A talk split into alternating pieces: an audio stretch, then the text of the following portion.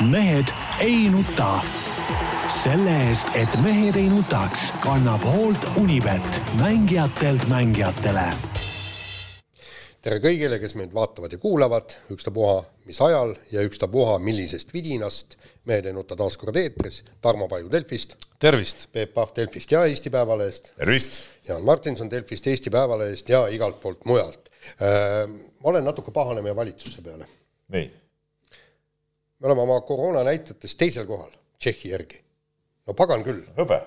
ei, no vot, see ongi, kas, kas, kas me ei saa siis tõesti mitte kuidagi hakkama ja ei saa seda kulda ära võtta? No. no ma, ma, ma, ma siiski loodan, ma, ma siiski tõsiselt loodan, et eh, valitsus tühistab kõik piirangud ja me pühime Tšehhist mööda, ega meil palju pole jäänud ja siis vaatame edasi, me vähemalt oleme kullal ja, ja noh korra milleski on olnud Eesti kõige parem, eks noh, kuigi me oleme narkosurmades ja jumal teab, milles ka veel esimesed, aga, aga see on praegu noh, nagu kõige akuutsem ja kõige rohkem silmapaistvam. akuutsem. oi, kust sa, kust see tuli nüüd siis? noh, tuli.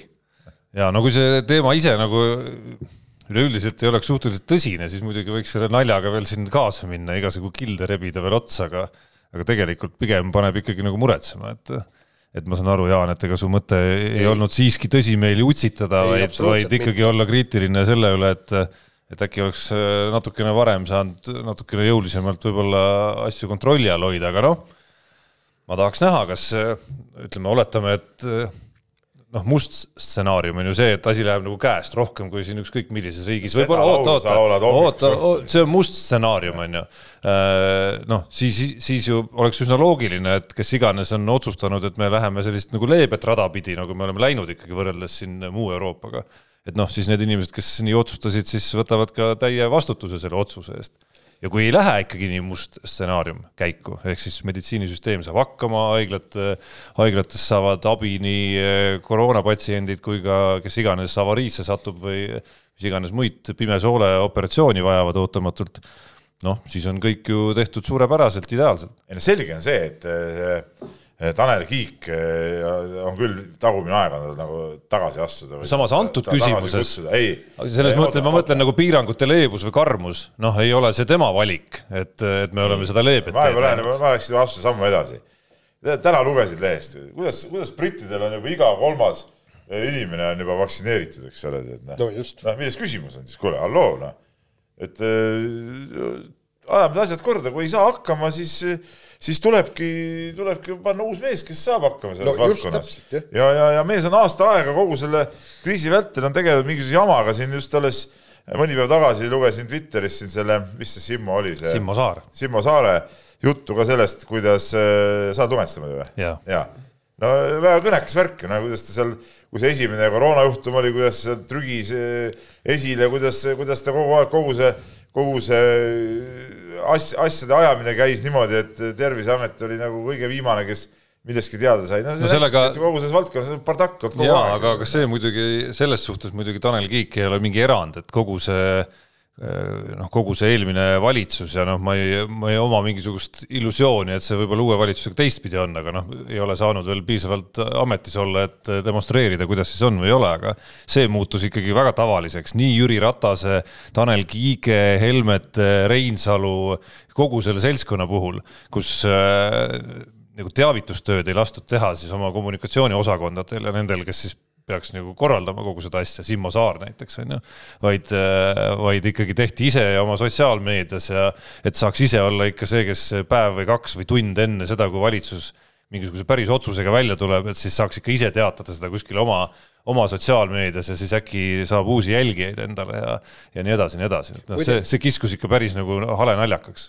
eile oli väga. ja noh, siis vabandust jah ja,, et siis need, kes ei ole seda konkreetset lugu lugenud millele Peep siin viitas, see puudutas, see puudutas, see oli nagu Twitteri sihuke säutsude sihuke jada, onju.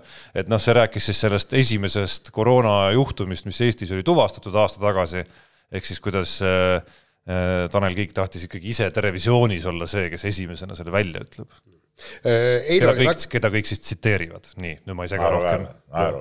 eile oli väga hea kommentaar, kus öeldi, et, et mis mõttes me, et me, me, me oleme selle koroonaviiruse ehk siis tähendab tervislikud probleemid ajanud poliitiliseks. ja, ja tõi just Ratase, et tuleb ja teeb poliitilise avalduse. selle viiruse kohta, et mis on sellel viirusel.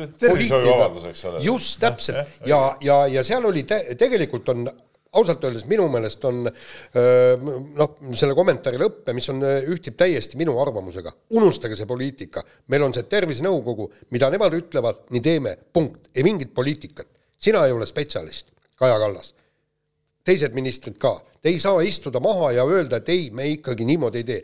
kui, kui te tahate, võtke sinna öö, nõukogusse ka majandusinimesi, kes just vaevad neid, et, et ku, ku, ku, kuidas me suudame säilitada majanduse, mis probleemid seal teeb, psühh-, psühholoogid, psühhiaatrid, võtke need ka punti. Need on seal, psühholoog on seal. no just ja, ja, ja siis ongi ja kui öeldakse, et kaubanduskeskused kinni ja maksimaalne kogunemine kuus inimest, siis nii on, punkt.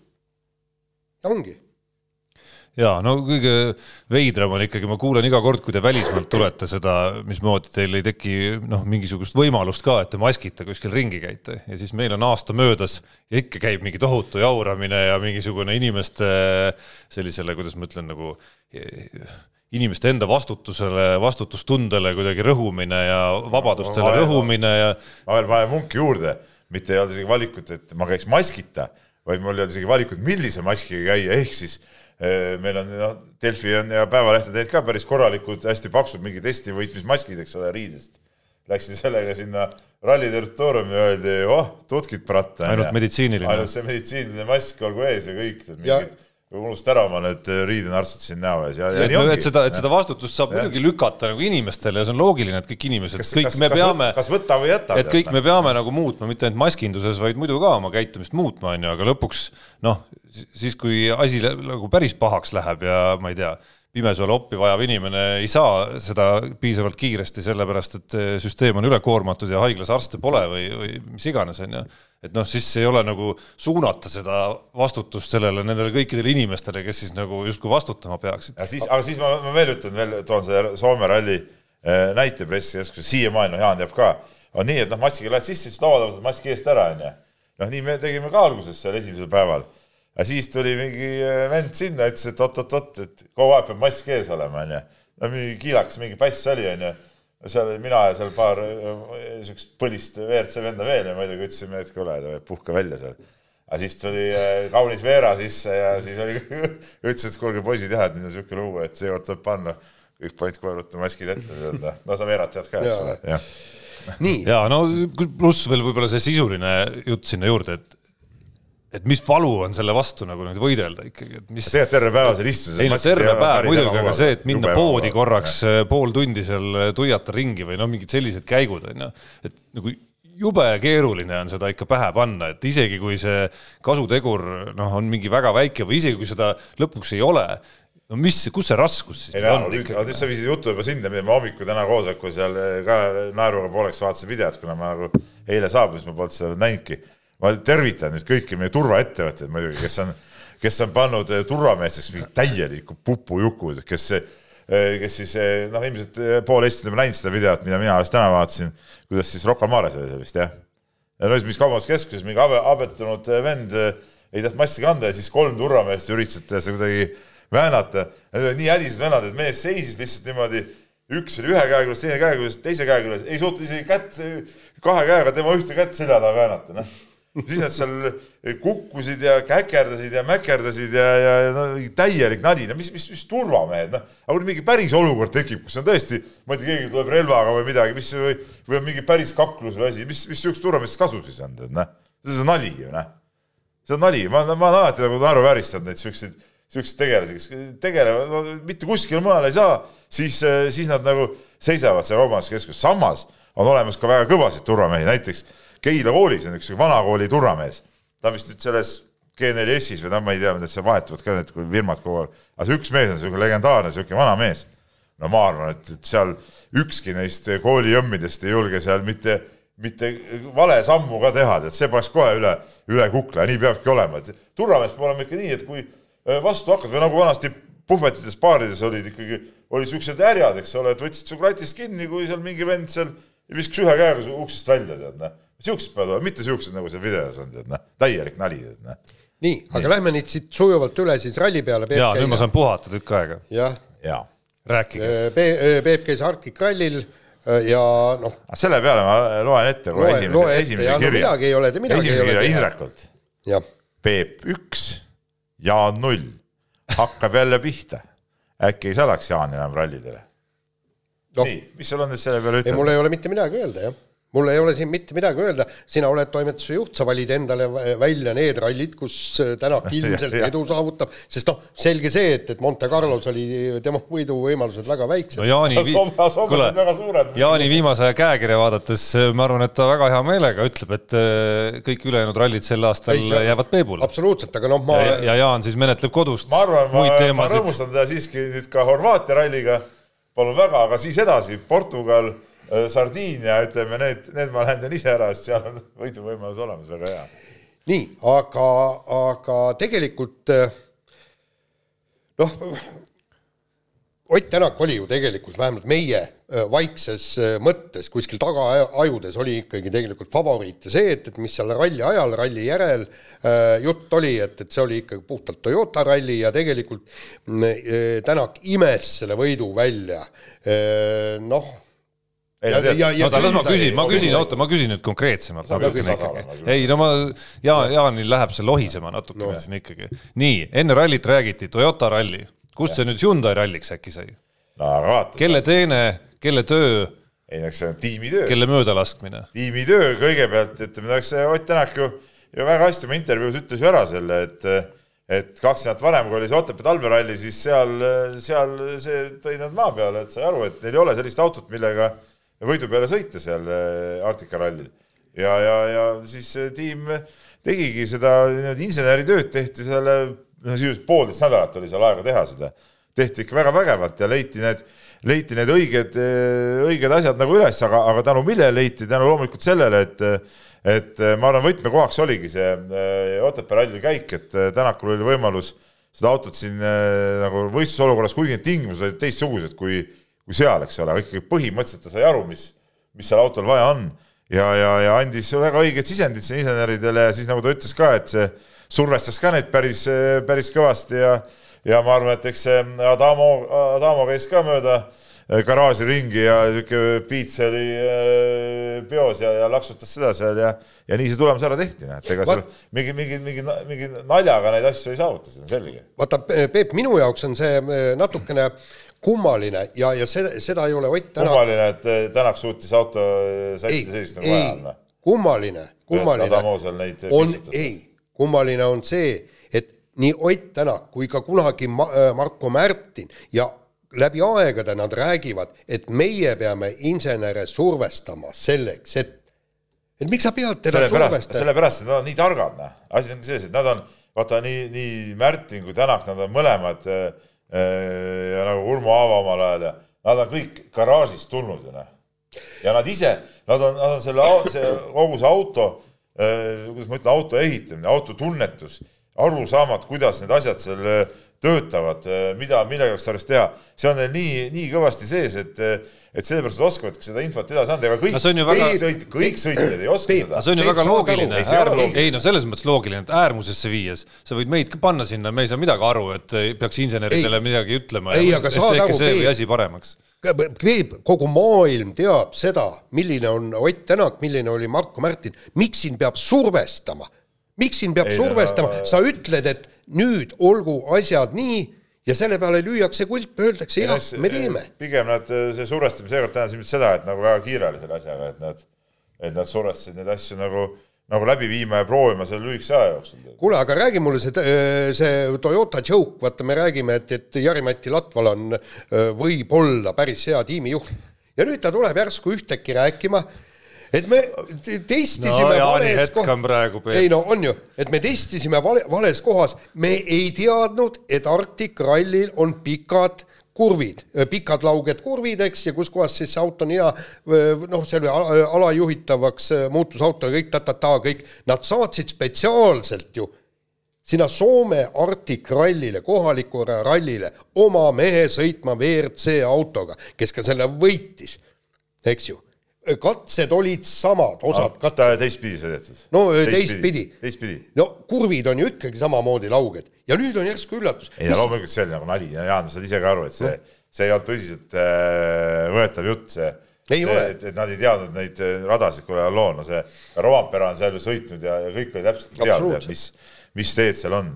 ja seda ma räägin, et noh, et ega need kiiruskatsed ühtepidi või teistpidi, ega see see üldine see profiil või see jääb ikka samaks. no kurv jääb kurviks. kurv jääb kurviks, no seda, et sa paremale või vasakule, seal pole ju kokkuvõttes ju, ju vahet. et see oli nagu, see oli muidugi hämmastav, et neil, neil ei, nad ei saanud seda seal väga hästi nagu paika jah endal, et see, see oli, see oli üllatav, aga, aga me ei saa öelda ka seda, et see, et Toyota nüüd oli väga halb, seda me ei saa ka öelda, sest et tegelikult Rompera, kui ta poleks avapäeval seda apsu teinud, onju siis ta oleks olnud ju alguses ikkagi Tänakuga võrdne, siis oleks see võistlus võinud tulla ka hoopis teistsuguse iseloomuga, praegult äh, mängis ikkagi see moment, et äh, Rompera ise eksis äh, esimese päeva teisel, selle esimese kiiruskast teisel läbimisel. eksis, andis sealt ära mingi kümme-viisteist sekundit või rohkemgi veel et, et see mängiski rolli kätte, et kui Tänak sai juba selle vahe sisse, siis sealt oli juba lihtsam seda olukorda kontrollida. Noh. absoluutselt, aga kuule, räägi, mis asju äh, Ogier ajas? no vana mees, võiks no, kogemust vaata, aga vaata nüüd, Ogier, äh, kas sa oled jälginud, sa muidugi, sul ju puudub ju see analüütiline muidugi äh, vaade või no,. nüüd tuli analüütik välja. aga, aga mina loomulikult nagu mõtisklen nende asjade üle ja vaatasin järgi ka, tead, noh et Osea on võitnud tegelikult ju Rootsi äh, talveralli vist kolm korda. on, absoluutselt, jah. millega äh,? Volkswageniga. nii äh,. Volkswageni ülekaal teistest autodest oli kui suur? oota, aga stopp, stopp, oota, oota. kui suur? ülisuur, megasuur, oota, aga kes oli ta tiimikaaslane? talverallide Nii. spetsialist. ja kes on ka võitnud äh, väga palju neid. on, absoluutselt äh,. ma, ma muidugi nii äh, ei vaadanud, et ma vaatasin mingi rallil Latvale kaotas päris palju, ilmselt eksimused, ilmselt lumehanges käigud, mingid vallides käigud ja ongi kõik. Ožee võib sõita väga hästi, aga äh, ta ei ole võib-olla nii kiire, kui panna nüüd üks-ühele. teine asi, äh, ma ei, ei pruugi nüüd mul olla õigus, aga ma arvan, et kas tol ajal ei pruukinud olla ta esimese autona rajal seal kõikidel, millal no see reegel tuli, neid reegleid on siin muudetud ja. ei, no jah, võis, vaata, seal oli ju äh, vahepeal ja, pandi testikatse järgi. täpselt. nii, ja see ongi, aga nüüd ta on, äh, viimased aastad on ta pidanud olema seal ees kogu aeg, on tekkinud juurde äh, päris häid lume peal sõitjaid, rohkem niisuguseid mehi, kes, kes suudavad seal kiiresti sõita.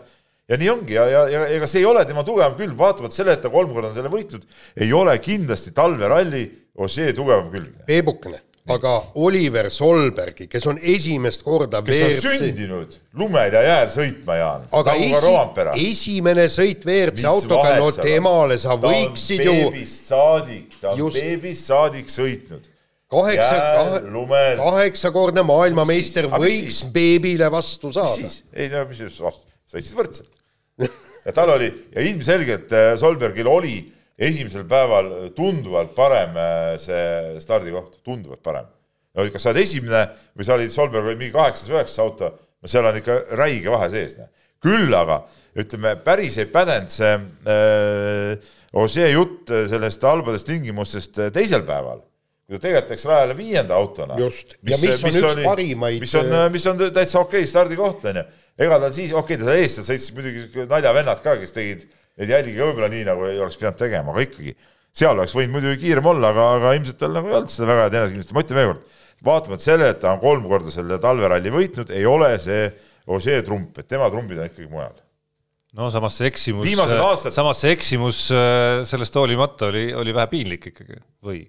piinlik, ei miks, seal, selles samasuguse eksimuse tegi sisuliselt ka Tänak, Tänak siis vedas, et ta ei jäänud hange kinni, noh et ega siis seal ei, Tänak oskas hangest välja tulla. ei, no järelikult ei, nii suur eksimus ei olnud ikkagi. ei, no tegelikult äh, Tänakul ka ei olnud seal midagi teha, kui ta läks sinna hangega, ta, tal oli veel klaasika täis, pärast põrkas teisele poole, eks ole, noh, nii nagu täpselt nagu Žeergi, ta lihtsalt vedas, et ta, tal ei, ta ei läinud, ei jäänud sinna kinni, see on mingi sentimeetrite küsimus, et kas auto veab ennast sinna sisse või, või ei vea sinna sisse. põhimõtteliselt need hanged viskasid ta ja, ja kusjuures veel õiget pidi. õiget pidi veel, noh, ta nagu vedas täielikult ja sisuliselt siukseid mehi, kes ei eksinud, seal ei olnudki. kõik eksisid ja see on, see ongi see hangede värk, et, et nendest võib olla abi, aga need võivad su niimoodi kinni tõmmata sinna, et, et äh, on tõmmatud. aga tundu-, sorry Jaan, tundus, et Ožeel nagu väga nagu motti ka ühel hetkel ei olnud nagu sellel rallil, et, et kõik see jutt, kõik see jutt, mis sealt hakkas tulema, oli ka selline jaa, natukene jaa, selline, et las see ralli minna ja küll siis teisalt, jagame neid punkte järgmistele edasi. teisalt jälle tegelikult teisel päeval ma kogu aeg vaatasin, et ta nagu jõuga võttis neid äh, sekundeid seal enda ees olnud meestelt tagasi, ma vaatasin lõpus lõpetas mingi viiendal kohal, mis noh jumala okei okay tegelikult, tead noh. et kui seda jama poleks olnud, ta oleks selle koha saanud, noh. et, et ja see, et ta ikkagi on võimeline kiiresti sõitma, äh, näitas ka see punktikatse, noh. kus ta tegelikult võttis ikkagi punkti ära seal suhteliselt ees startides, noh aga, aga ütleme, ütleme ka seda, et, et noh, üle, üle pika aja pole nii põnevat rallit muidugi väga põnev, väga põnev, aga mis veel kord, mis veel kord sai kinnitust, oli muidugi ka see, et et ikkagi ralli on ikkagi siukeste, noh, see kogemused mängivad ikka suurt rolli. et kui enne rallit räägiti, et noh, Rovampera siin tuleb kõige nooremaks rallivõitjaks ja noh, ütleme kogu see asiotaaž oli selle peale üles ehitatud, et et, et ta võtab ära selle võidu, onju. siis no tegelikult no päris nii ikka ei ole, noh. päris nii lihtne ikkagi ei ole no.. ega ei ole, jah. et, et, et sa lihtsalt lähed ja ja, ja, ja kui ikka siuksed Tänaku-sugused vennad on seal ees, siis noh, sa ei saa seda niimoodi kätte. noh, teisalt nagu muud asjad hoidis, hoidis ta kõik ikkagi nagu ära, et kuigi Neville suutis surve päris korralikult peale panna, punkti katseni välja ju. nojaa, aga, aga seal oli ikkagi ilmselgelt oli ka Adamo poolt oli Neville'ile ka öeldud, et mees, sa ei hakka hullu panema, meil on vaja seda äh, nii-öelda kolmanda koha tiimipunkti. no muidugi. samas Tänaku lauseid uskudes, siis, siis Neville mingil määral mulle tundus ikkagi äh, rebestas ennast seal paigast no aga ta ei noh, et Tänak ütles, et tema küll, et, et veel kaks äkki kiiremini, see oleks olnud juba üle riskipiiri. noh, kuidas kellelegi. Noh. ta arvad, et Neville'il see riskipiir on kuskil nagu teises arvan, kohas? Äh, Tänak lihtsalt võttis mõistusega rohkem seda asja. okei okay,, tal oli rohkem kaotada ka esimesel ja, kohal ja. loomulikult. aga ma tulen korra sinna tagasi veel ikkagi ühe küsimuse juurde, Hyundai'st rääkides, et äh, see äh, mõistlik on võib-olla praegu see ära rääkida, see oli üks kiri ka meile, kas täna hommikul või eile et mida siis äh, võis Neville silmas pidada selle all, et Adamo pani mingid mehed paika tiimis? et kas kuskil on mingisugused rebelid, kes arvavad, et ei pea, et ei pea nagu vaeva nägema selle nimel, et seda, auto saaks õigesti seadistatud? seda ma kindlasti ei usu, ma arvan, et siin on, see mõneti läheb kokku selle Tänaku, mis Jaan küsib, et miks, miks Tänak peab, peab insenere survestama ja seal oligi, ma arvan, et ma arvan, see on, see on no, täitsa null siit laua pealt võetud spekulatsioon, et see võis tähendada ka seda, et Adamo ütles, et et nii nagu nüüd öeldakse, niimoodi peate tegema ja nii ongi, noh, et Just. seda on tarvis niimoodi teha, tead noh, neid seadistusi. sest selge see, et, et need insenerid peavad teinekord ennast liiga targaks. ja seda kindlasti jah, jah. nii on. no aga vahetame teemat, läheme noh, jääme, ütleme siis talvisemate märksõnade juurde, kuna talverallist tuli jutt. räägime suusatamisest, päris talvespordist, murdmaasuusatamise või talialade mm õigemini on siis käimas ja meil siis ette näidata Marko Kilbi kahekümnes koht ja Kristjan Ilvese üheksateistkümnes koht ja suures plaanis ette näidata Aleksandr Boltšunovi ja, ja Norra meeste vägevad mõõduvõtmised. ja, ja Norra, Norra naiste ja Rootsi naiste äh, lahing, see on ka äge. aga see suusavahetusega sõit. see oli päris, jah, isegi seal, seal vaadata ja see oli ikka, ikka väga-väga vingelt äh, tehtud. et seal võib jah, selle ühe norralase, Hooland oli ta vist selle mehe seda nii-öelda möödalasku võib muidugi peast kinni hoida, kuidas ta selle raja nii-öelda vabaks veel tegi enne seda viimast tõusunukki Boltšunovi jaoks. aga mul on tunne, et mul on tunne, et Boltšunov oleks sealt ükskõik millisest asendist, kui need kaks norralast just ei oleks suutnud nagu kahekesi kõrvuti rada kinni panna, et siis igast asendist oleks ta tulnud sealt välja. jah, ja, ja, ja võimas küll jah, väga võimas ja, ja, ja kusjuures, mis, mis eriti kiideti ju selle Boltšunovi taktikat, et kuidas ta küpsetas kõiki neid sprintereid ja eel, eelkõige Johannes Kläbot et, et kes on kõige ohtlikum ja kes, kes tõesti noh, kaks kulda on juba võitnud sprintides. et, et teistmoodi ei saa ja, ja, ja, ja ta küpsetas ikkagi need vennad niivõrd läbi, et nad hoidsid, no aga neil ei olnud muud mingit äh, varianti. sama, sama asi võib nüüd juhtuda, kui me vaatame nagu edasi äh, viiskümmend äh, ühistardist. just, ja seal, ja seal öeldi, et, et, et, et, et seal tegelikult noh, nagu, nagu Boltšanov ise ütleski, et, et, et tegi küll lõpuspurdi, aga terve viimane ring oli lõpuspurt, tegi pika lõpuspurdi on ju on ju, eks. et, et aga te, tegelikult on homme on ju viisteist eraldi stardist, noh, ma, ma tahaks näha, kes see Boltšanovil seal üldse vastu saab. noh, eraldi start on jälle teistsugune sõit, eks ole, jah, et, et seal kui sa ikka suudad üksi pingutada, seda Boltšanov tõestas, et ta suudab ise pingutada mm, -hmm. mitte et ta ei ripu kellegi sabas et siis, siis on äh, trumbid on nende käes, see on loomulik. aga muidugi pull on vaadata, kuidas see Boltšanov on praegu kerkinud, tähendab absoluutselt selle Venemaa suusakoondise staariks, sellepärast et põhimõtteliselt ilma temata ei oleks meil ju venelastel üldse mitte midagi, eks Äh, no ilma temata oleks ka päris äh, nutune mm nagu suures pildis. ei, absoluutselt. et siin selles duellis üks äh, Vene hunt ja siis Kari norralasi on ikkagi intriigi ka sees, eriti ja. vaadates seda omavahelist suhtlust seal ja mingeid naaklemisi, mis on olnud hooaja jooksul ja ja küll see Boltšanov on seal mingile soomlasele andis väikse tutaka ära ja siis kõik teised skandinaavlased tõttasid seal kuidagi hukka mõistma ja nii edasi ja nii edasi, et seal nagu on sellist nagu äh, asja, mis paneb nagu vaatama, ma arvan, rohkemgi kui tavalisi suusasõpru. jaa, aga nagu need Vene koondised ütlevad ka, et see Boltšanov on täielik individu-, individualist, ta ei lase isegi teistel endaga koos treenida. ja ütles niimoodi, kui sa tahad temaga kuhugi koos minna, vend paneb gaasi põhja, kaob lihtsalt ära ja ja, ja noh, talle ju ei hakka järgi. ja nüüd oli see, et, et kuidas selles paarisprindis vend ju tõmbas neli koma kolm sekundit edu sisse enne viimast vahetust, tegi oma töö ära, Gleb Retrivõh muidugi väristas selle ära, kaotas ka veel soomlasele, mis oli ja, eriti, e, eriti närvi ajav venelaste poolt. selle peale ta ütles ka, et ega mina ei kaotanud, et Gleb kaotas ja ta ei läinud sinna ju finišisse isegi, isegi seda õnnitlema ja kõik, aga kõik räägivad, et, et Ustjugov oleks pidanud seda sõitma, ka venelased ise räägivad. selgub, et Boltšanov ei saa Ustjugoviga ka väga hästi läbi aga tema... oli ise loobunud, ma lugesin Vene ajakirjandusest. no see, see on jällegi ma lugesin on... Savetski spordist seda vist. ega seda ametlikult just... keegi ilmselt välja just... ei tule ütlema, et aga... Boltšanov seadis tingimuseks, et Ustjugov ei tohi sõita. ei, aga väidetavalt Ustjugov on tegelikult äh, siiamaani olnud esinumber üldse suurim no just, aga, aga väidetavalt äh, Boltšanov saab valida endal paarilise, eks, ja vend oli niivõrd pettunud, on ju, eks, et pagan, soomlastele saime, soomlased saime ka tappa, et aga, aga intriig on, ütleme, et, et ta, ja täna on naiste kümme eraldi stardist. no pange panused, kas äh, Therese Johaug või rootslannad? no igatahes üks äh, meie noor reporter Roosna soovitas Jaan Martinsonil täna kogu oma miljoni panna, panna Johaugi peale. Äh, ma panin panuse, aga mitte Johaugi peale. ahaa sellepärast, et kui ühel on üks koma seitseteist koefitsient ja teisel on kümme. no kui miljoni paned, no siis sealt, sealt see, no see null koma seitsmeteistkümne pealt midagi saad. ei, aga kui ma panen miljoni äh, üks kümnele, ma saan kümme miljonit tagasi no,. kas sa äh, oma rahaga askeldad või siin meie Unibeti mängus? Unibeti mängus. ahah, no siis see, varajast pensionit siit ei tule veel. ei, saad aru see ongi kõige tähtsam, kõige tähtsam on teile ära panna. see, kas mul on seal miljon rohkem või miljon vähem pangaarvel. no nii saab rääkida ainult inimene, kellel ikkagi ah. Kristiina raamatuga eelkõige ilmselt ikkagi noh, tõesti tulidki miljonid. ei no noh, peenraha läks. arvestades, et hagi on juba koostatud ja. nii, aga, aga tähtis on teile ära panna. nii, aga räägi, räägime Jaaniga eesotsas, ehk siis meie nii-öelda suusaspetsialist ajalooliselt.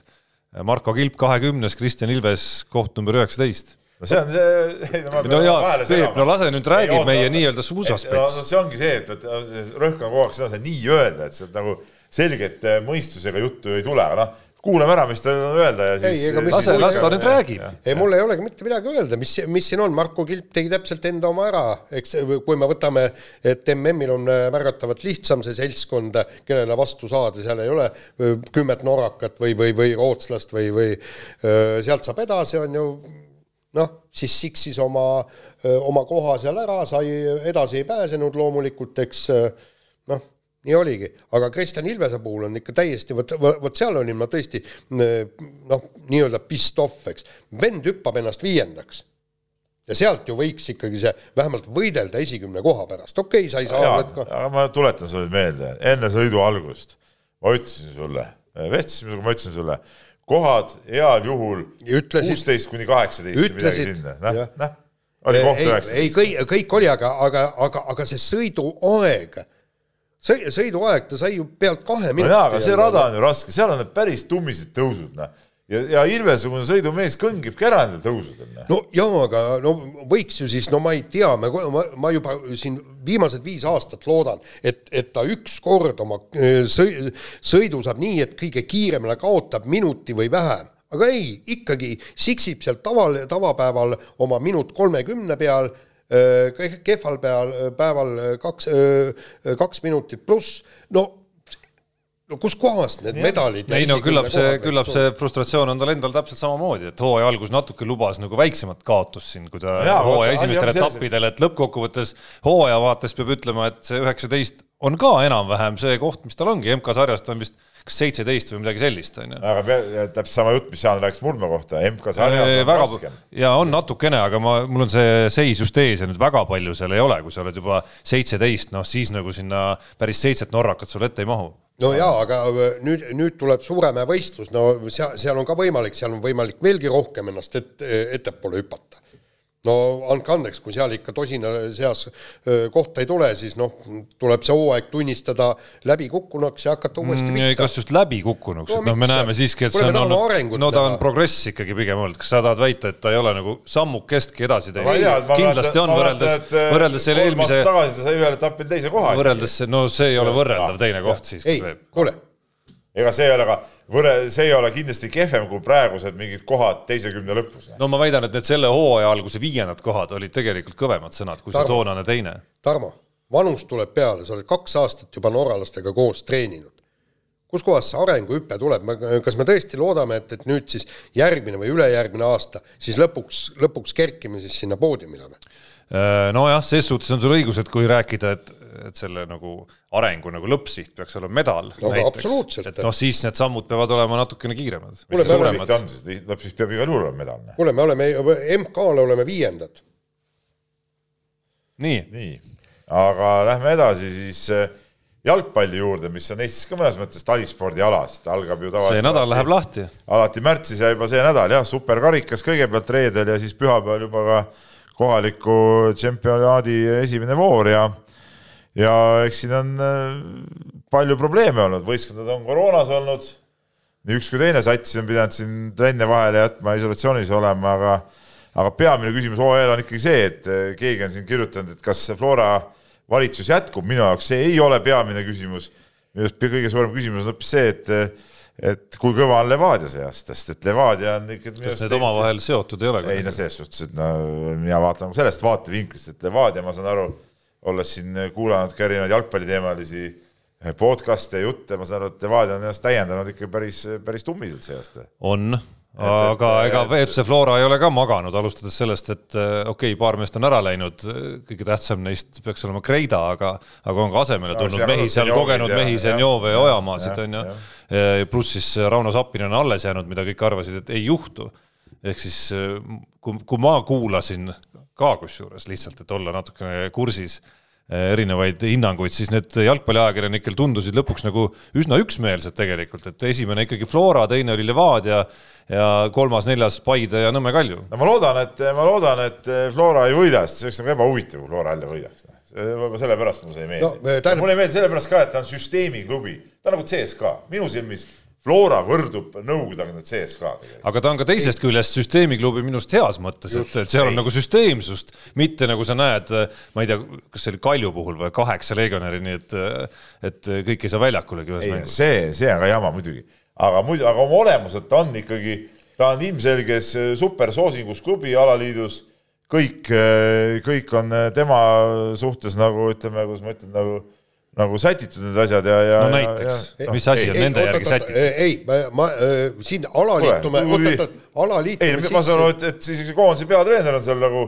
Flora vendi seal aidanud, on, võttis koondisse mingi kolmteist, neliteist meest. samas see, et see koondise trett tehti üldse Flora peatreenerile küll väga ei meeldinud no mis tema käest ei küsi keegi midagi. no järelikult ei ole nagu ju kõik tehtud Peep, nende järgi. Peep, tegelikult on ju vähemalt põh meeskonna järgi. põhjus mitte. on selles, ma just lugesin jällegi kellegi intervjuud, jalkavend, et et, et miks ta läks Florasse.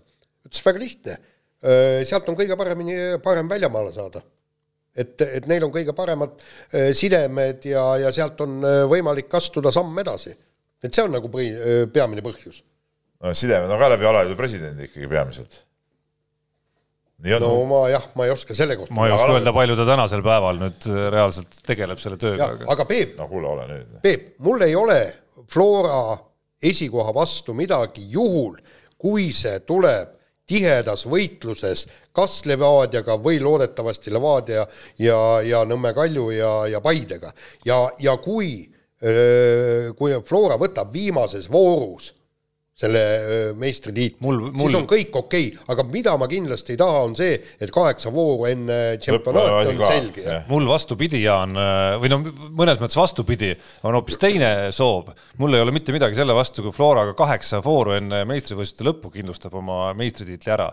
eeldusel, et sellega käib kaasas ka väga edukas hooaeg rahvusvahelistes mängudes ehk eurosarjas. Et vot siis mul, siis mul on nagu täiesti ükskõik, mis siin nagu kodukamaral toimub. nojah, see tähendaks seda, nad peaks saama kuskile seal Euroopa liiga või, või mis iganes sarja nad mängivad põhiturniiril. näiteks, mis oleks ikka mega, kui see ükskord juhtuks, kuigi väga keeruline. aga noh, sellega, et siin hakkab koroona jantima kogu selle graafikuga olukorras, kus viirusenumbrid on nagu on, noh selleks ei pea isegi olema mingisugune oraakel, et teada, noh, me näeme korvpalli pealt No, seda, kuidas kuidas see kalender pealt ja Eesti omad, reeglite juures ikkagi on ju nii, et kui on üks võistkonnas kas või üks äh, positiivne, noh siis ülejäänud meeskond läheb sisuliselt kümneks päevaks või kaheks nädalaks, sõltub, millal see kontakt oli, läheb kõik isolatsiooni ja sel perioodil äh, midagi ei toimu, on ju. erinevalt siin rahvusvahelistest sarjadest, mis saavad toimida ka siis, kui näiteks noh, muid juhtumeid ei leita, paljudes ju. riik, paljudes riikides on samasugune reegel nagu meil, ütleme rahvusvahelised sarjad on ühed asjad, aga need riigisisesed sarjad on midagi muud. noh, me näeme näiteks, kuidas korvpalli Euroliigas saadakse mängitud tänu sellele, et mäng ära jah, kuigi ja aga see jääb enamasti siis ära, kui tõesti ühes klubis on näiteks viis või siin Panathinaikoses oli veel rohkem juhtumeid. või kui need riiklikud reeglid ei luba siin, nagu, nagu Makabil oli siin see no probleem. nad ei lubanud lihtsalt riigis lennukitel maandudagi. kuule, sa paistad tark inimene olevat. Kas varsti need jalgpallurid kõik ei ole öö, täis neid antikehi, sellepärast et kõik on läbi põlenud selle no päris mitte, sest ma ütlen, et piisab ka sellest, kui sul on üks positiivne ja ülejäänud on täiesti terved, aga nad peavad lähikontaktsetena lihtsalt Ei, istuma Need ei pea olema lähikond-, need ei pea istuma kinni, kes on läbi põdenud. no vot just, see on, see on seaduses kirjas. jaa, aga neid põdejaid ei ole lihtsalt nii palju ju. no aga kui No on kuule,, ei mis asja, varsti tundub, et varsti on on nagu kõik näiteks mul on näiteks äh, oma selles äh, esiliiga satsis on peaaegu pooled juba läbi põdenud. noh. aga minu teada see lähikontaktse reegel nagu päris nii ei toimi ikkagi. toimib. Need vennad, kes äh, mul olid lähikontaktsed, kes on läbi põdenud, need said rahulikult trennis edasi käia, mingit küsimust polnud. aga see ei saa ju lõputu olla.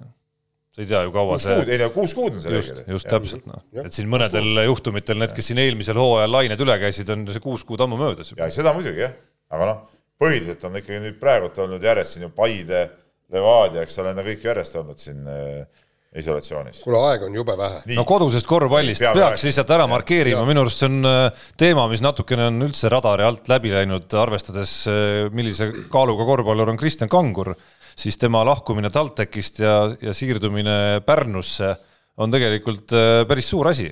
see on suur asi ja ma, radari alt on ta läbi läinud äh, selgel põhjusel. et noh, see, see siin kõige huvitavam küsimus see, et miks ta TalTechist ära läks. Ei üks ega teine pool äh, ei ütle seda, on kokku lepitud, et seda teemat ei kommenteerita ja, ja ongi kõik, noh, ja, ja ja, ja, ja nii on, et aga selge on see, et äh, ma ei usu, ma ei usu seda, et see niisama minek oli, et nüüd järsku Kangur mõtles, et ah, kuule, äge oleks nüüd pool hooaega. ja et ma olen nagunii unistanud, et karjäär lõpetada Pärnus, mida ta on ka avalikult Ei, välja öelnud tegelikult. aga, aga noh, et ma nüüd aja pealt nüüd lähen nagu, lähen nagu sinna ringi, et nii need asjad no kindlasti ei käi ja, ja, ja ma kuulasin ka eh, eile siin ühte korvpalli podcast'i, ega sealt ka mingit eh, ütleme, klubi esindaja, kuhu Kangur läks, ütleme. libises sellest teemast jube kiiresti, et ta muidu, kui me räägime Siim Raudlast siin antud juhul, et mitte siin ei, mõistujuttu mina rääkisin just. eh, praegult eh, Pärnu meeskonna abitreener. aa, vot tema ka, aga Siim Jaa. Raudla samamoodi Seda- teisest seda podcast'ist kes Jaa., kes väga tihti omab teiste klubide kohta päris huvitavat infot, mis omab meediast väga hästi infot ka Jaa. oma klubi kohta. mis meediast, mis meediast läbi ei ole veel käinud, on ju, aga antud teema puhul eh, kuidagi see libisemine toimus nii sujuvalt, et, et noh, ilmselgelt on otsustatud, et ei lahata seda küsimust. nii, laseme kõlli. aga ei, oota, ei No, lasme kõlli. tähendab nii palju ikkagi, et, et väga tore, et see Pärnu jätk ikkagi tuli sellele uudisele sinna juurde. minu teada see ei olnud nagu noh, enne tuli see lahkumine ja siis ikkagi tuli see Pärnu, mitte. mis salata, ma jõudsin meest juba Keila esiliiga satsi kutsuda. ja no kuidas, mille taha jäi siis? Läks Pärnusse. see on nagu jalkaturul me näeme ikkagi, et Vassiljevi suutis FC Flora ikkagi No ära näed, napsata ja teised jäid, jäid tühjade pihkudega, et suuremad rahakotid. Või mingid muud asjad. treen-, peatreener äkki oli Ei, ahvatlevam ei, vastupidi, Pärnus vastupidi. ikkagi. ma arvan, et peatreeneri poolt oleks kaaldunud nagu Keilasse et, et Kangur tegi endale need plussid-miinused paberil aga- ilusti ja sisuliselt see peatreener oli ainus pluss lõpuks Kangur on nagu, Kangur on nagu Martinson, eks ole. ükspuha, peaasi, et raha tuleb välja. Laseme nüüd et kui praegu, Postimees pakuks talle näiteks kümme eurot rohkem palka, ta läheks kohe sinna. ei, viis aitab. no näed. Nii, nüüd on kiire vahemäng ja tõesti, me proovime kümne minutiga selle kiire vahemängu läbi saada. Daisy äh, Kudre oli suure äh, suusaorienteerumise MM-il ähm, siinsamas Käärikul ülivõimas, kaks kulda, hõbe, pronks. no ütleme niimoodi, et, et mis, mis eriti häid emotsioone pakkus, oli see, et, et kui sa, kui sa näed seda neidu finišisse tulemas, intervjuud andmas, lai naeratus näol, Eesti lipp näol, tema jaoks on see savi, et see ei ole maailma kõige populaarsem spordiala ja ta ei ole isegi nišiala, vaid ta on tõesti inimesed, kes elavadki metsas ja seda teavad vähem, aga neiu oli niivõrd õnnelik ja kui sa oled maailma parim suusaorienteeruja, see on minu meelest märksa kõvem sõna, kui sa oled mingi suusamaailma viiekümnes või neljakümnes suusataja ei, ma olen selles suhtes olen sinuga täpselt sama meelt, et maailmameister on ikkagi alati maailmameister, et siin ei ole no mingit küsimust ja, ja kindlasti see on kõvem kui olla, olla tavasuusatamises äh, jah, viiekümnes, kuuekümnes, et et maailmameister saab olla ikkagi ainult üks sellel distantsil. aga väga, väga huvitav tähelepanek tuli mul üks Facebookis äh, on üks, äh, üks noh, nii-öelda Facebooki sõber, kes iga päev kirjutab sinna mingeid asju ja, ja tõi niisuguse näite, et et tema lapsepõlves olid eh, spordisuperstaarid allveeorienteerujad, nüüd on nendeks saanud siis suusaorienteerujad, et no, see ka päris huvitav, tõesti, vaata Jaan, kui sa mäletad no,, kui me olime noored, siis siis eh, allveeorienteerujad olid, valiti isegi aasta sportlasteks ja nii edasi, et olid seal, olid väga kõvasti. Kiri Male ka mitte ei olnud veel selles listis tõnu, mõnda aega. Tõnu Õim, Tõnu Õim, rohkem Kiri Maletajat me ei tea muidugi keegi. aga, aga, aga, aga no selge, meedia tähelepanu oli muidugi päris valdav, olgem ausad, sellise niši ala kohta. no aga kui MM toimus Eestis ju ei, ma ei ütle, ma nentisin fakti lihtsalt. see oli, see oli väga äge ja, ja, ja meie konkureeriv äh, ettevõte siin näitas otseülekandeid ja, ja mulle tundub, et nad olid ka üsna medukad, tead, sest et noh. ja aga, no. ja aga, aga üks probleem on nende orienteerujatega, nad on ise seda tunnistanud, nad ongi metsarahvas, nad ei tea, kuidas noh, linnas ja, ja, ja, ja su, suuremates keskustes käituda selles mõttes, et nad ei ole ennast suutnud trügida olümpiale miks ei võiks suusaorienteerumine olla olümpiaala no. Äh, taliolümpiaala Äh, eriti veel, kui, kui nad tahavad nagu laiendada seda, me võtame pagan mingisuguse äh, mäkke ronimise ja breik-tantsu võtame suveolümpia kavva ja nüüd on tõesti täiesti tõsine spordiala, kus ongi profid, nagu nad ütlesid, neil on määrdetiimid, neil on füsioterapeudid, massöörid, kõik, kõik on olemas, see on professionaalne spordiala. miks me ei võta seda taliolümpiamängude kavva? ja no ma oleks äh, selle teema sisse toonud, aga pigem nagu suve orienteerumise vaatenurgast just, et noh, midagi ei ole teha ma arvan, suusa, suusa orienteerumine jah. siiski on selgelt ju rohkem nišš kui, kui äh, suvine orienteerumine, mis on kas... tegelikult päris suurtes Kuule. Äh, massides harrastatav ala ikkagi olnud Just. päris pikka aega. ja see tegelikult on küll üllatav, et, et, et see suve orienteerumine aga... ei ole seal kuidagi nagu lähemal olümpiale. jaa, aga nad ise ütlevad, et nad ei suuda seal äh, koridorides ennast piisavalt kuula-, kõlavaks teha, aga ma, ma ütlen, et, et suvealasid meil on niigi palju, eks, aga just, et talialad talialadel just jah, et, et me ei võtaks mingeid naljaalasid, võtaks ikkagi võtaks nagu tõsiselt spordialasid. kas sa tahad öelda, et, et suusaorienteerumine on üle maailma vähem populaarne, kui on mingisugune, ma ei tea, rennisõit no,? suve orienteerumisest kindlasti on. ei, aga ma mõtlen ka tali, tali orienteerumine ja rennisõit panna võrdlusse, ma arvan, et tali orienteerumine on, on vähemalt sama populaarne, kuivõrd mitte populaarsem, nii.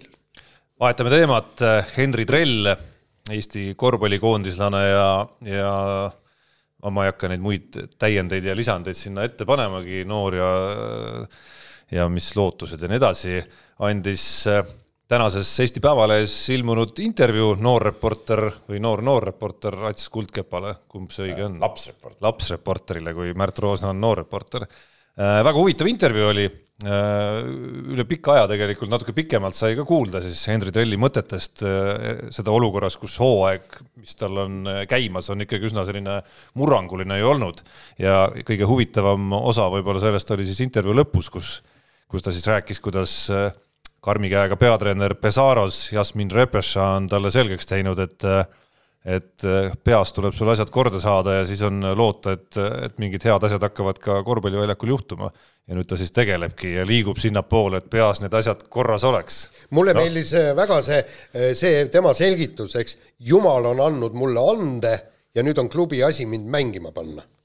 no peas tuleb asjad ikka ise korda saada. peas tuleb ise korda saada. seda klubi küll ei aga, tee kuidagi. aga ma toon siin jälle mängu ühe teise inimese, ehk siis nagu aga koosoleku hommikul kuulsid, kuidas meie peatoimetaja seltsimees Soomlad ütles, et luges seda intervjuud ja kõlas täpselt nagu, nagu kahekümne aastase Martin Müürsepa intervjuu, mida ta on ise ka oma elu jooksul päris palju teinud. Ja, ja ma olen seda, seda võrdlust enda jaoks, enda mõtetes toonud päris palju ka ka nii trelli olekult, jutu poolest, ütleme stiilide poolest, et, et see ongi nagu suht, suht sarnane. no ma alles üks päev ju paar saadet tagasi rääkisin siinsamas sellesama mikrofoni taga, kuidas ma esimest korda tajusin Itaalia karikamängu vaadates seda nagu paralleeli kuidagi väljakul visuaalselt, ilma et ma nagu kuuleks lihtsalt, isegi kui ma nagu jälgin ja ja see, ja see sarnasus oli nagu ilmne ikkagi. aga ma, ma hommikul seda koosolekut ei hakanud venitama, et seda teemat jätkata. mul on olnud kunagi äh, au või rõõm äh, ja kohustus ja mis kõik asjad kokku, sama vana Martin Müürsepa intervjueerida tegelikult sel äh, üheksakümne viiendal aastal, kui see noorteturniir siia tuli ja kui ta kolis tagasi Eestisse Iisraelist ja, ja ma ütleks, mingis mõttes on trell ikkagi samaks vanuseks saanud äh, nagu rohkem juba mingeid koolirahasid kätte ikkagi, et ta on nagu rohkem saanud mingit Repeša ja, ja Trinkieri suguste meeste mingisuguseid õppetunde kätte, et ta nagu selles mõttes on natukene Müürsepast, selle sama vanast Müürsepast isegi ees. no seda küll, aga ma ütlen, kogu see olek ja, ja see on, on ikkagi suhteliselt sarnane, aga selge see, et, et kui kui äh, trell saab, no ma olen seda isegi mitu korda öeldud, et kui ta, kui ta saab peas oma asjad korda, see on põhimõtteliselt sama jutt, eks ole, et siis, siis on ta nagu kõva vend, mul on nagu kokkupuudet olnud ja, ja ma ütlen, et see on seal on nagu materjali on, on ikka on nagu metsikult ja, ja, ja ilmselgelt ta liigub sinna suuna. jaa, aga noh, aga noh, siis muidugi aeg-ajalt noh, see kõlab nagu mingi vana, vanad mehed siin kuskil äh, jälle targutavad, onju. aga olemegi vanad mehed. aga olemegi vanad mehed, eriti Henri Trelliga võrreldes, isegi mina. et noh, siis kui seal Põhja-Makedoonia mängus esimesel poolel jälle läks sinna ja, kaamerasse pibutamiseks, siis jälle väike võpatus alati käib, et oot-oot-oot, et kannata nüüd natukene ja, veel ikkagi nii, aga äh, on siis vahepeal toimunud naiste võrkpalli Balti liiga finaalturniir ja, ja siis TPI ehk, ehk TalTechi äh, naiskond sai siis alles ööl vastu äh, finaalturniiri algust teada, et on koroonavaba ja, ja võivad mängude, mängima sõita ja, ja võis esikoha ära, noh. tugevad no, närvid. ei no tugevad närvid ja äh, nagu nad ütlesid, nad olid trenni ka teinud, äh, tegid kodus planku, tegid füüsilist ettevalmistust ja noh sealt pealt. ei no kes keelab sul voodis pikutades seda äh, palli niimoodi kõksida? no ei, absoluutselt. ja küsid, mis trenni sul veel vaja on? ei, absoluutselt ja, ja kusjuures trenni teevad need, kes mängida ei oska. absoluutselt, ega see ongi, trenn on nõrkadele. just. ütleme, teised panevad ikka jumala poolt antud äh, andest. nii.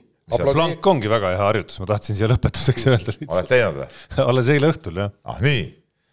mis siis, kas äh, proua istus selja peal ka või? Ei, nii kaugele sinu tasemele ma ei ole jõudnud veel. Ah nõrk. selle saad sa näidata järgmises saates ette, et me kindlasti leiame mõne kolleegi, kes, kes on enam-vähem sinu prouaga sarnases kaalus ja sa saad siinsamas laua peal vist põhimõtteliselt ette näidata selle saate ei, lõpetuseks. mis näidata, ma just küsin su käest, kuidas sul on? miks sa ärritud? ei, ma ei ärritunud üldse, ma haistsin, ei.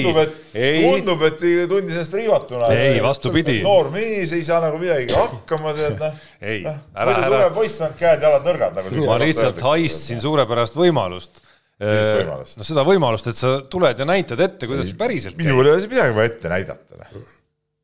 mis ma pean midagi ette näitama? ei no kuna sa lihtsalt tõid juba selle proua selga no, võtmise nagu no, mängu. küsisin su käest ainult. ja, ja, ja, ja sa kohe hakkad ja. niimoodi, hakkad ründama selle peale. ei, kus see rünnak oli? ma ka küsisin lihtsalt. pinged on kodus või? ei, üldse mitte. pärast ma proua kabinetist läbi küsin, et kas Tarmo ikka on nagu hea poiss kodus või ei ole. no proua ootab siin kohe pärast saadet. no vot, kohe, kohe küsime, et nii, kuidas on nende asjadega? võtame järgmise teema, Janari Jõesaaresse esimene alla kahe meetri mees, kes on VTB liigas maha võtnud kaheksateist lauapalli, samas pani ta vist mingi üheksateist sanga ka või kuskil sinnakanti. ja, ja nii võideti Astanat. tehke mulle mehed selgeks, oot-oot, tehke mulle mehed selgeks miks niisugune vend ei kõlba, kus ta enne mängis, Itaalias, Hispaanias, Hispaanias, kuule, kui vend võtab võtab kaheksateist lauapalli ja me kogu aeg räägime, et see VTB liiga on kõva liiga.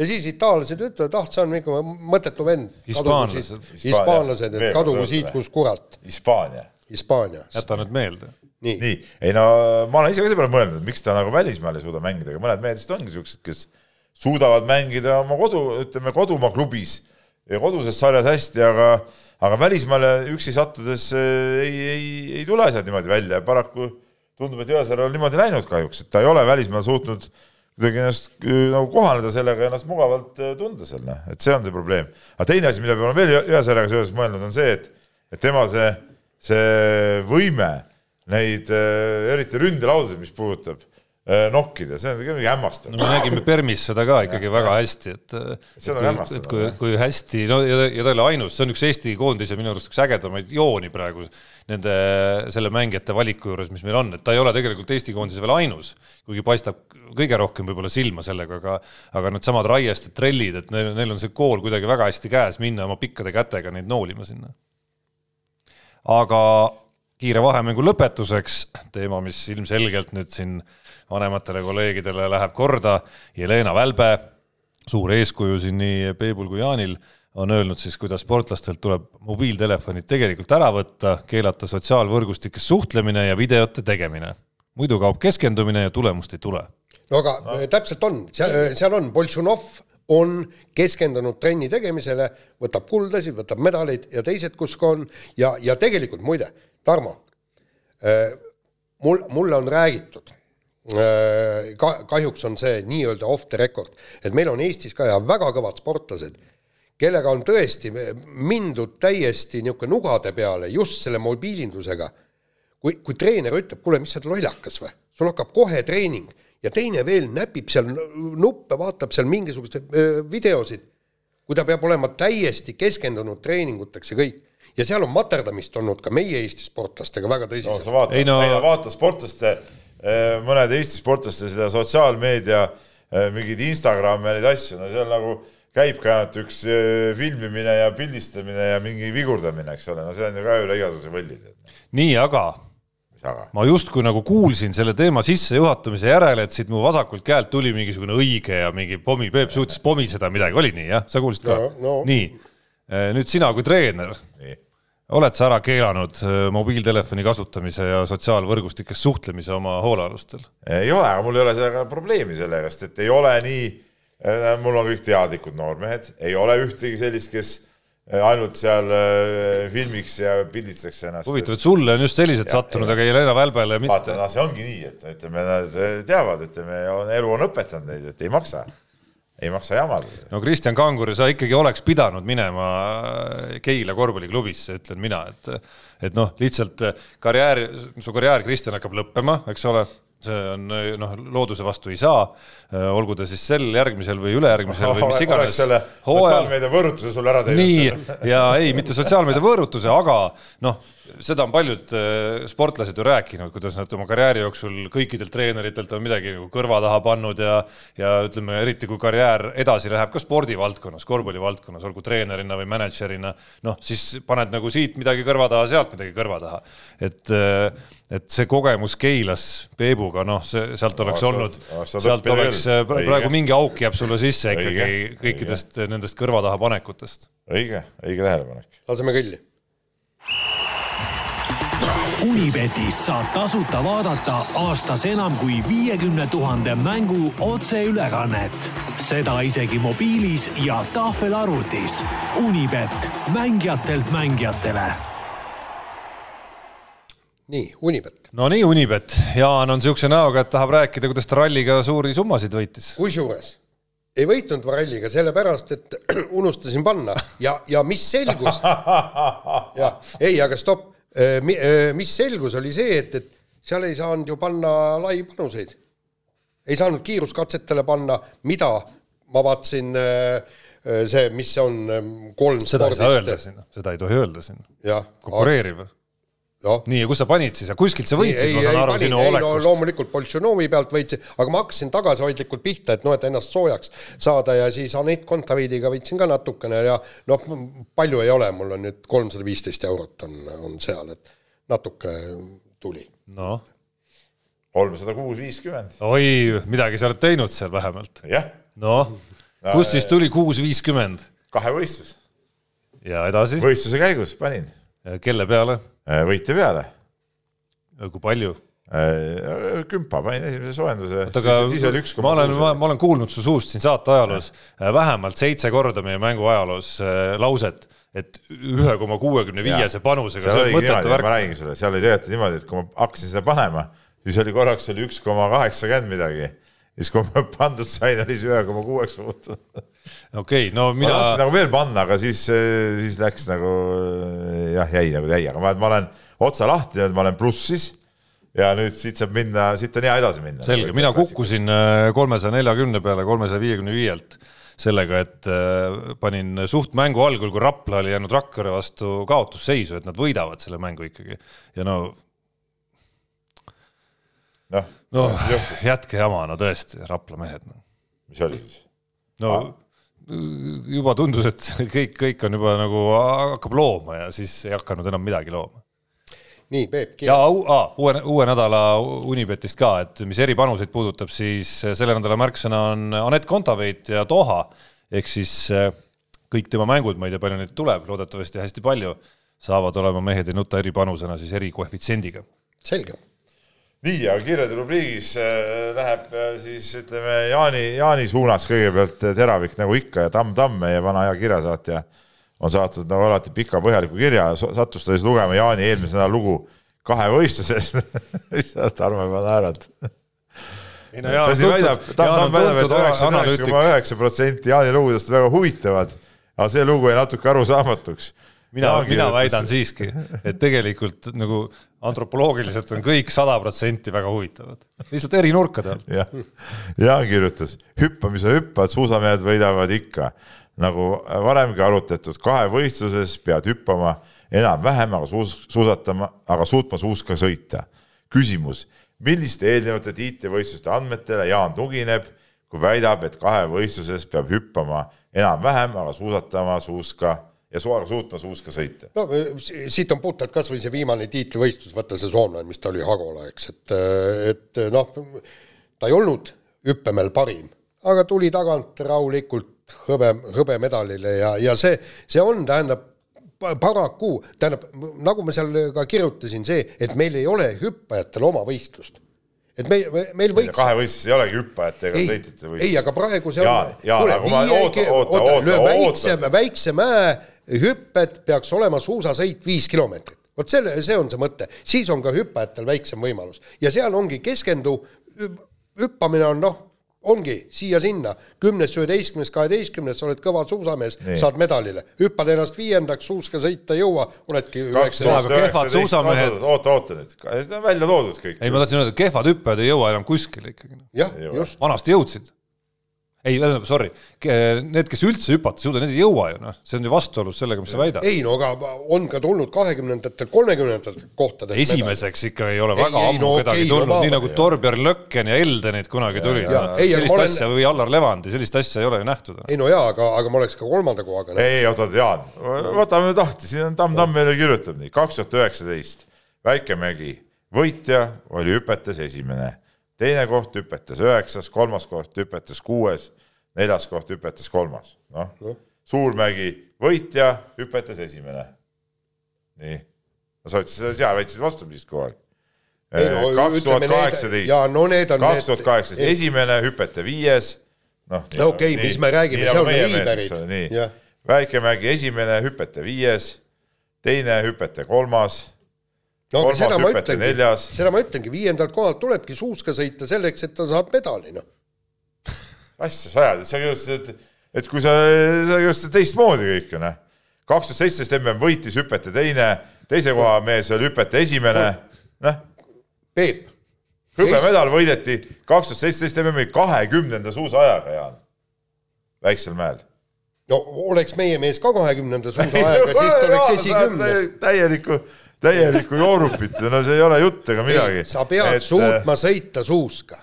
ei no nagu suut... Peebu need eh, Tamm-Tammi arvutused näitavad, sa pead suutma ka hüpata, noh. no nii väga vaja ei ole, kui sa üheksandalt kohalt, üheksandalt kohalt tuled, tuled medalile, noh üheksas koht on päris kõrge koht tegelikult. no ikka väga kõrge koht. aga näed, kahekümnes suusaaeg no, sellest piisas. kahekümnendast suusaajast piisas, aga üheksandat hüppekohta oli vaja. no just no just. seda ma räägingi. seda sa ei räägi, sellest see point ongi, Jaan. ei noh, meil on tulnud siuke praktiline küsimus Kokapoisilt, et selle Kanguri Pärnuga liitumise äh, uudise valguses tekkis küsimus, kui kaua Eesti liigas üleminekud äh, toimuvad. muidu tavaliselt oli veebruari lõpuga see kuupäev, aga, aga siin selles koroonaga, ma tean, et esiliigas on see nihutatud märtsisse kuskile ja teine asi on see, et, et sa saad veel ühte mängijat, saad kindlasti hiljem meistriliigas saad hiljem ka vahetada. näiteks eelmine aasta mäletame, vaata Tartu tõi ju märtsi alguses äh, mängija, kes ei jõudnudki mängida tegelikult, oli juba sellest kuupäevast nagu edasi. et seal mingeid vahetusi saab nagu teha, kuigi minu arust võiks olla see kõik juba varem kinni, ei mingeid toomisi. komplekteerid võistkonna alguses, hooaja alguses ära ja nii mängid ja ongi kõik, ei ole vaja siin midagi puterdada. nii, ja sellega on meie saade läbi ja kuulake ja vaadake meid järgmine kord ja joonistage ja kirjutage meile. mehed ei nuta saate tõi sinuni Unibet, mängijatelt mängijatele